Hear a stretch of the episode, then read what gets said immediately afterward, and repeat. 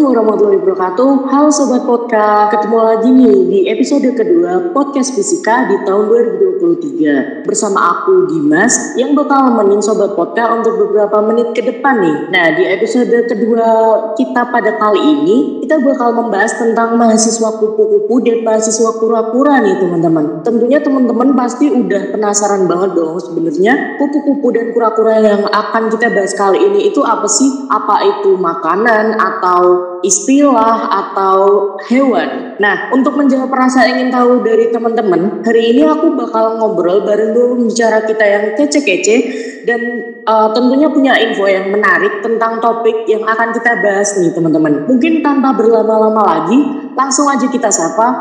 Halo Isdi, halo Felix. Halo. Halo. Uh, karena mungkin ada pepatah ya teman-teman, tak kenal maka tak sayang nih. Nah, maka dari itu kita mungkin bakalan mulai dari perkenalan sama pembicara kita yang kece-kece banget kali ya. Mungkin buat pertama, halo Isdi, aku mau kenalan dulu dong sama Isdi. Oke, langsung aja ya. Halo teman-teman semuanya, kenalin aku Isdi Harsulfa, kerap disapa Isdi. Aku dari Prodi Fisika Universitas Diponegoro Angkatan 2021. Salam kenal semua. Salam kenal Isdi. Nah, tadi kan teman-teman udah tahu nih profil pembicara kita yang pertama. Nah, buat pembicara kita yang kedua, halo Felix, kenalan dong. Halo Dimas, aku kenalan diri, diri dulu ya. Aku Felix Jonathan dari kuliahku di Universitas Diponegoro.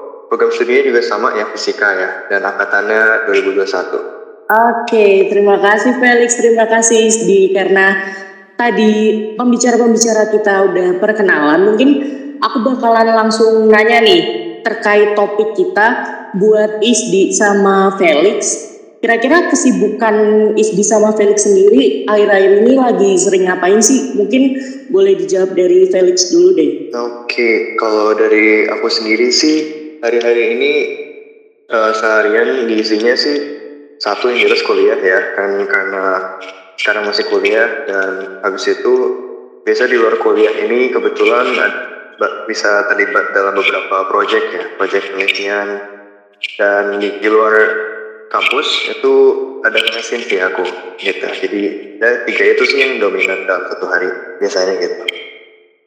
Jadi pertanyaannya apa ya Dim? Ke uh, kesibukannya apa? Oh, oke. Okay. Kalau kesibukan dari aku ya itu sehari-hari biasanya sih kuliah yang pertama ya, karena sekarang masih kuliah dan setelah kuliah itu biasanya terlibat dalam proyek penelitian ya. Ini mulai tahun ini sih baru mulainya. Dan kalau di luar kampus itu aku biasanya ngelasin sih. Biasa itu. Jadi tiga kegiatan itu sih yang dominan dalam satu hari. Oke, okay, terima kasih Felix atas uh, penjelasannya. Mungkin wah keren banget nih, produktif banget nih Felix. Karena di sini kita punya dua pembicara ya teman-teman buat Isdi, boleh dong uh, spill ke kita nih. Kira-kira kesibukan sekarang ini lagi sibuk ngapain, Di? Oke, kalau dari aku pribadi sih sebenarnya nggak terlalu jauh beda dari Felix. Karena kan kita juga lagi memasukin minggu-minggu UAS ya. Jadi dari aku paling agak hektik buat nyiapin UAS sambil musingin beberapa prokernya aku pegang. Terus aku juga uh, lagi ikut project penelitian dosen juga. Cuman bedanya kalau project penelitian dosen yang aku ikuti itu sebenarnya udah dimulai dari akhir tahun kemarin ya. Cuman bakal selesai di pertengahan tahun ini gitu. Mungkin itu aja kalau dari aku. Oke, keren-keren banget ya teman-teman semuanya. Ada yang ngelesin, ada yang ikut penelitian dosen, ada yang proker. Wah, pasti pembicara-pembicara kita aktif-aktif banget nih di dunia perkuliahan. Nah, karena tadi topik kita adalah mahasiswa kupu-kupu dan mahasiswa kura-kura, mungkin di sini aku akan sedikit jelasin ya teman-teman. Mahasiswa kupu-kupu dan mahasiswa kura-kura itu merupakan suatu istilah yang kerap dipakai di dunia perkuliahan teman-teman. Nah, istilah-istilah ini bukan uh, cuman ada dua nih teman-teman, tapi ada beberapa. Di antaranya ada yang pertama mahasiswa kupu-kupu. Nah, untuk mahasiswa kupu-kupu ini uh, singkat uh, kepanjangannya adalah mahasiswa kuliah pulang kuliah pulang. Terus yang kedua ada mahasiswa kura-kura atau kuliah rapat kuliah rapat. Dan yang ketiga ada mahasiswa kunang-kunang atau kuliah nangkring kuliah nangkring. Tapi lagi sering juga disebut mahasiswa kunang-kunang sih mahasiswa kuliah nangis kuliah nangis ya. Terus yang keempat ada mahasiswa kuda-kuda nih teman-teman atau mahasiswa yang kerjanya kuliah dagang, kuliah dagang gitu nih teman-teman. Nah, karena sekarang kita bakalan bakalan ngobrol yang lebih spesifik yaitu ke mahasiswa kupu-kupu dan kura-kura nih. Mungkin aku mau tahu mau tahu dong dari uh, Isdi sama Felix untuk sekarang dari kalian itu masuk ke kategori yang mana nih? Boleh dari Isti dulu. Kalau aku sih mungkin kura-kura ya, karena kebetulan di sini aku ikut um, dua organisasi sekaligus gitu. Jadi tiap malam tuh ada jajar koman buat rapat, baik itu rapat online maupun offline. Dari fine, aku enjoy ngejalanin itu. Malah kadang tuh kalau pulang ke kos habis dari kampus gitu, tuh aku suka inget-inget kayak malam ini ada rapat nggak ya? Aku tuh band gak ada rapat, kayak gitu. Jadi emang bisa dibilang pulang kuliah rapat, balik ke kos bentar rapat jadi ya ini cocok ya kalau disebut kura-kura. Oke sibuk banget ya Isdi. Tadi kalau aku nggak salah denger kamu pegang dua organisasi ya Di? iya betul banget nih Dim. Nah seperti yang kita tahu ya teman-teman semuanya pegang satu organisasi aja itu tuh nggak gampang loh buat nyaimbangin waktu antara akademik atau organisasi gitu kan. Nah dari ISDI sendiri boleh dong di ke kita gimana sih cara kamu ngatur waktu uh, biar kegiatan organisasi yang kamu ikutin nggak mengganggu waktu uh, kuliah kamu? Oke, cara atur waktu ya. Kalau dari aku pribadi sih lebih ke bikin skala prioritas ya. Jadi aku kerjain dulu mana yang menurutku urgent terlebih dahulu, baru nanti aku kerjain yang nggak terlalu urgent gitu. Kalau buat cara gimana biar organisasi nggak ganggu waktu kuliah ya sebisa mungkin uh, pas waktu di kelas itu kita fokus buat ngejelasin penjelasan dari dosen ya supaya kita nggak pusing-pusing buat nge-review lagi gitu. Terus kita juga sebisa mungkin harus ngisiin waktu buat belajar karena menurutku kalau kita mau dapat semuanya harus ada yang dikorbanin gitu. Jadi aku prefer buat ngorbanin waktu istirahatku sih supaya aku masih ada waktu buat belajar, masih bisa buat ngurus proker, organisasi dan segala macam dan juga aku masih bisa dapat main sama teman-temanku kayak gitu. Oke, keren banget ya teman-teman semuanya uh, ikut dua organisasi, terus akademik juga jalan, terus hubungan sama teman-teman juga bagus. Wah, emang keren banget nih Isdi. Selanjutnya buat aku mau nanya dong ke Felix. Kalau dari Felix sendiri, kamu sekarang lagi masuk ke kategori yang mana, Lex? Uh, antara kupu-kupu dan kura-kura ya kalau menurut aku sih kupu-kupu ya, soalnya aku nggak banyak rapat, tapi kupu-kupunya kuliah pulang, pulangnya kelab ya. Iya sih, soalnya biasanya kalau jeda kelas pada waktu hampir lab, nyicil-nyicil gitu sih yang aku temuin di hari-hari ini gitu. Wah, ternyata sama-sama sibuk ya pembicara kita pada uh, episode kali ini gitu kalau buat Felix sendiri tadi kan uh, kamu bilangnya kupu-kupu kuliah pulang kuliah pulang tapi pulangnya ke lab ya. Nah kalau dari Felix sendiri kamu ngerasa capek ya sih? Atau uh, kayak Isdi tadi capek sih tapi enjoy? Gimana Felix? Iya kurang lebih sama sih. Capek dan enjoy. Karena emang emang pengen penelitian. Emang pengen ke, ke, ke depannya banyak penelitian publikasi-publikasi dan juga emang impian sih buat nanti nanti ke depannya jadi peneliti. Oke, okay, berarti emang passionnya di situ ya gitu. Buat selanjutnya ada, aku mau tanya dong ke Felix, kelebihan kupu-kupu menurut Felix itu apa? Dibandingkan kura-kura ya, kalau misalnya menurut aku ya, um, sebenarnya dua-duanya bagus. Ada bagusnya, ada negatifnya, ada positifnya ya. Tapi kalau disuruh bandingkan antara mahasiswa yang tergolong kupu-kupu atau mahasiswa yang tergolong kura-kura ya.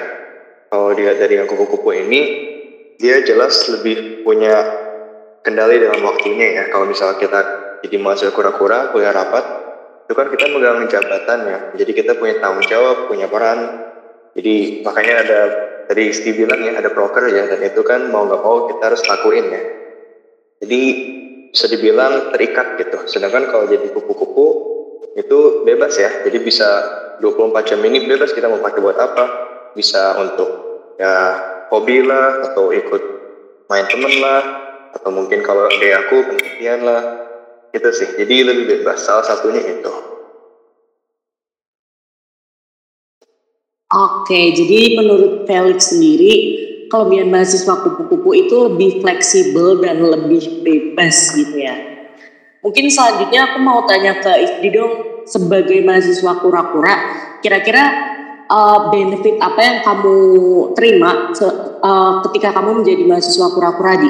Oke, kalau kelebihan kura-kura ya menurutku jujur dari aku pribadi itu tuh aku tipe orang yang gampang bosen kalau nggak ngapa-ngapain gitu. Jadi aku seneng kalau misal interaksi sama orang banyak. Dan dengan ikut organisasi rapat sana sini terus ngobrol sama banyak orang itu tuh bisa nambah insight baru dan juga recharge energi sih buat aku aku juga bisa dapat banyak banget ilmu dari orang-orang yang aku temui di organisasi kita juga bisa tukar pikiran, brainstorming bareng. Menurutku itu juga penting ya buat nambah relasi dan juga kita bisa tahu gitu loh kehidupan luar tuh kayak gimana. Terus kita juga bisa tahu uh, sudut pandang orang dalam menghadapi masalah itu kayak gimana. Karena kan pasti tiap orang beda-beda ya dalam menghadapi masalah. Kita tuh bisa tahu gitu loh dari sudut pandang orang lain. Menurutku itu uh, hal apa ya benefit yang bisa aku dapetin selama jadi mahasiswa pura-pura. Oke, ternyata kalau dari ISD juga lumayan bukan lumayan banyak juga ya uh, benefit yang didapat setelah menjadi mahasiswa pura-pura.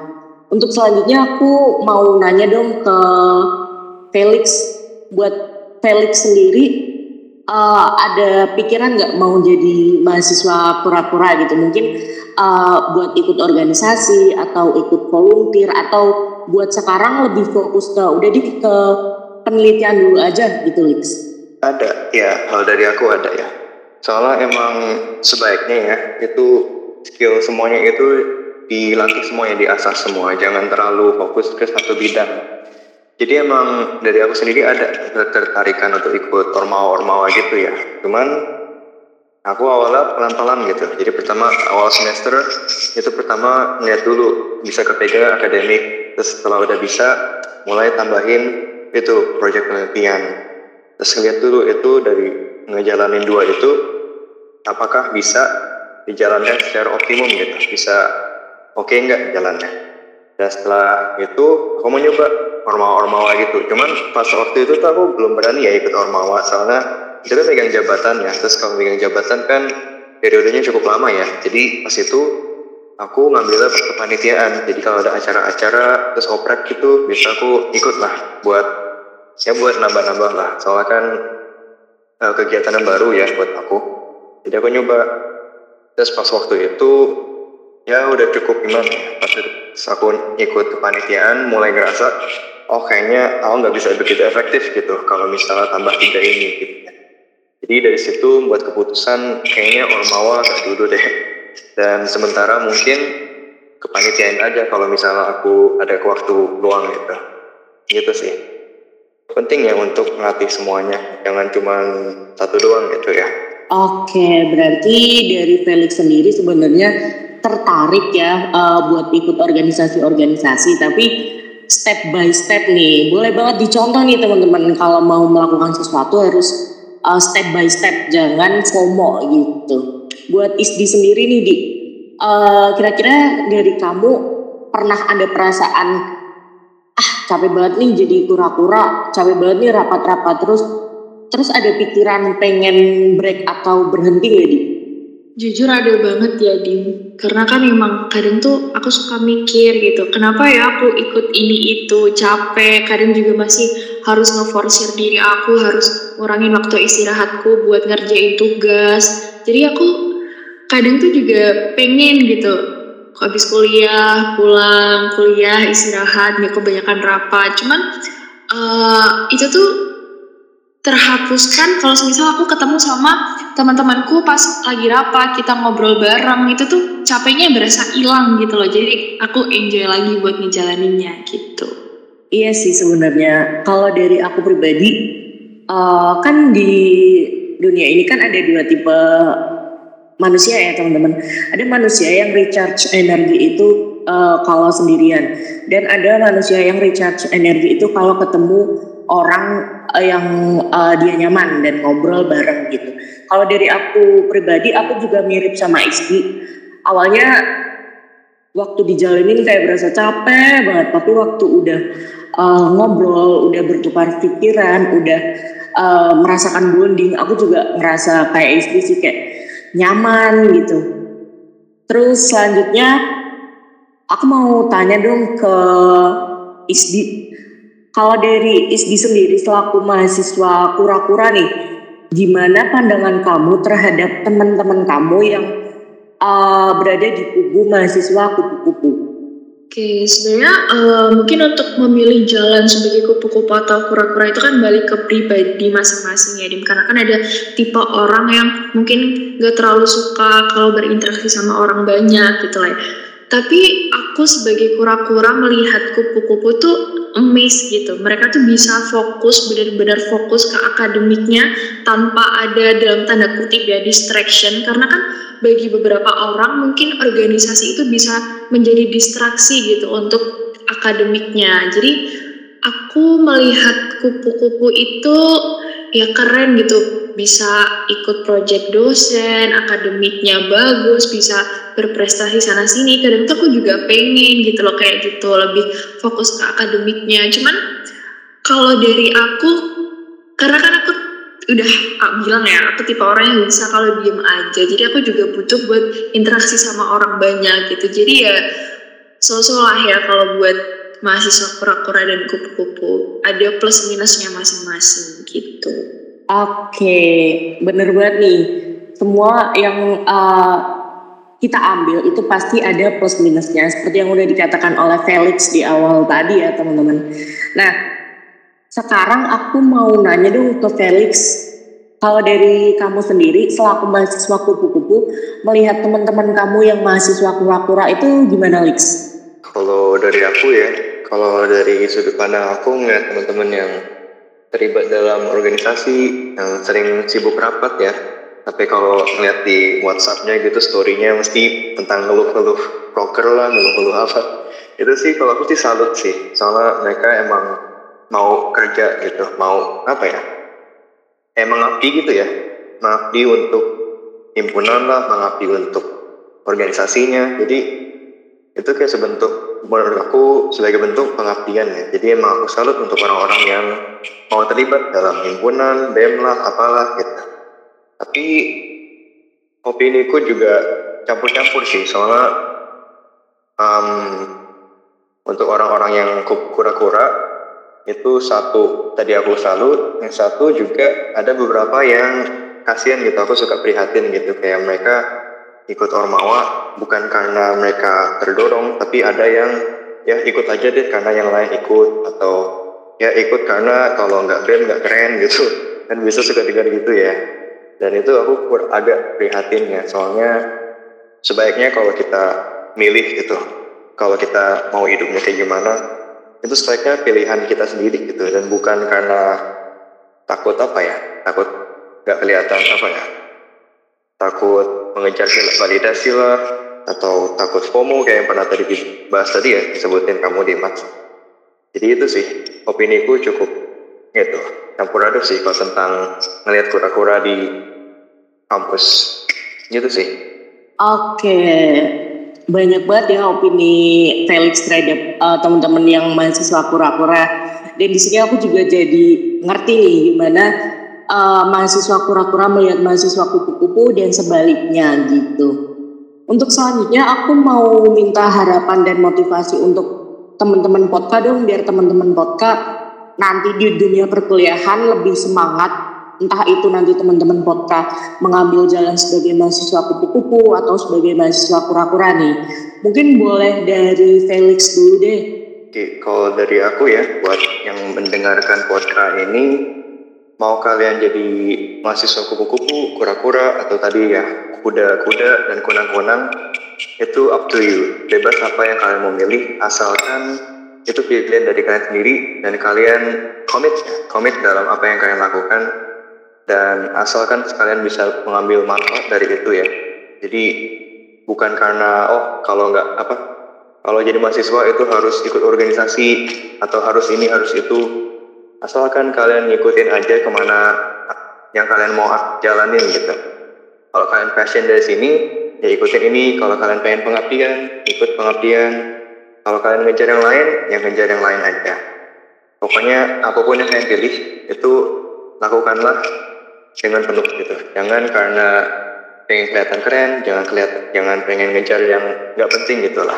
Karena ujung-ujungnya ini hidup hidup kalian kan ya. Jadi apa pun itu, itu juga buat kalian sendiri, bukan untuk orang lain ya. Itu sih dari aku. Oke, terima kasih Felix atas harapan dan motivasinya untuk teman-teman vodka. Iya sih bener banget, semua itu harus dilakuin atas dasar passion dan yang paling penting jangan FOMO ya sobat podcast semuanya. Tadi kan kita udah mendengarkan harapan dan motivasi dari Felix. Nah, buat sekarang aku mau minta harapan dan motivasi buat teman-teman vodka dari ISDI dong. Oke, harapan dan motivasi aku buat teman-teman yang dengerin podcast di sini ya. Mungkin gak jauh beda dari Felix ya. Kalau dari aku, lakuin apa pun yang kalian mau selagi itu baik dan gak merugiin orang lain. Jangan takut juga buat nyoba karena kita gak pernah tahu ya apa yang bakal kita temuin ke depannya. Dan jangan lupa buat menikmati hari ini sepenuhnya. Oke, terima kasih itu teman-teman dengerin. Jangan lupa untuk menikmati hari. Oke, nggak kerasa banget nih saking asiknya kita ngobrol. Udah banyak banget hal yang kita bahas, baik dari mahasiswa kupu-kupu, mahasiswa kura-kura, ataupun mahasiswa kunang-kunang, atau mahasiswa kuda-kuda, dan masih banyak lagi nih teman-teman. Nah, mungkin cukup sekian podcast episode kedua kali ini. Semoga hal-hal yang baik yang telah kita obrolkan tadi dapat diterapkan oleh teman-teman podcast semuanya pada diri kita masing-masing dan aku selaku podcaster pada episode kali ini meminta maaf jika aku Isdi maupun Felix mengucapkan kata-kata yang kurang pantas ataupun melakukan kesalahan baik yang kami sengaja maupun yang tidak. Mungkin cukup sekian. Terima kasih. Sampai jumpa di episode berikutnya. Dadah sahabat podcast.